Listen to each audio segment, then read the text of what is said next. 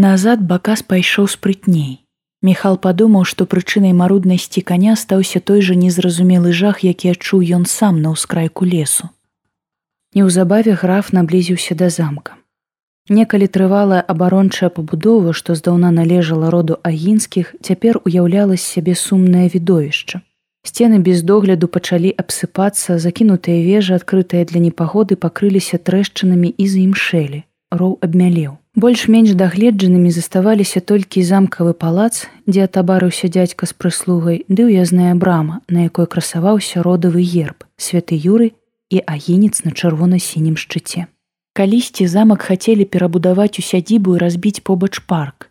У свой час дзядзька нават паспеў узвесці аранжарэю і адрамантаваць стайні, але праз беды, што абрынуліся затым на дзяржаву, ды да і проста праз нястачу сродкаў, далейшае будаўніцтва давялося спыніць.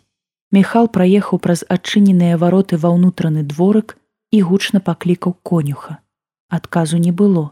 Агінскі моцна змерз за час паездкі, таму не стаў доўга чакаць і самастойна злез з каня. Граф узяў бакаса за аброць і павёў у стойла. Дзверы стайні былі прыадчыненыя і з глыбіні памяшкання даносіўся гучны дзядзька ў голас. Міхал правёў каня ўнутр і прыслухаўся. Стары граф сварыўся на конюха. Я цябе прасіў асцярожна перанесці ўсё ўніз, а ты цямцюр гэтакі палову тут выверну, лаяўся дзядзька.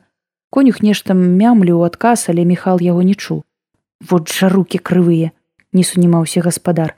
Лепей пакінь усё як ёсць толькі прыкрый больш ад марозу можа мне хто дапамагчы гучна прамовіў агінскі дядька які стаяў да яго спінай страпянуўся і рэзка развярнуўся. Міхал паспеў заўважыць цень страху ў дзядзькавых вачах які праз імгненне змяніўся радасцю пазнавання.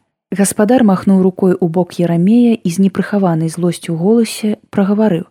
Гэта недарэка ярома развярнуў бонду з зернем а ў мяне яго не так шмат каб раскідвацца дядька павярнуўся да конюха. Давай дурыла памажы міхалу што стаіш хлопец падхапіўся прыняў лейцы з рук графа і павёў каня ў стойла. Міхал заўважыў што далоні ерамея былі запэцканыя нечым чорным як прагулка міхалі стары граф рашыў змяніць тэму добра схлусіў міхал разам з дзядзькам яны накіраваліся да выхаду са стайні у мяне для цябе цудоўная навіна усміхнуўся дядька. Памятаеш ты мне расказваў пра манахаў трынітарыю што памаглі пагарэльцам у маладэчне наколькі я памятаю ты хацеў выказаць ім падзяку ад імя былы інсургент запнуўся і пусціў вочы долу. Імператорскай улады. Абодва агінскія сталі на ганку замкавага палаца. Дык вось міхалі працягнуў дядька плябан маладэчынскага кляштара брат крыштоф прыняў маё запрашэнне на сённяшнюю вячэру. Выдатна Такія людзі, як брат Крыштоф вартыя бязмежнай павагі. Я падзякую яму як асабіста, так і ў афіцыйнай форме. Міхал зрабіў асаблівы націск на апошніх двух словах.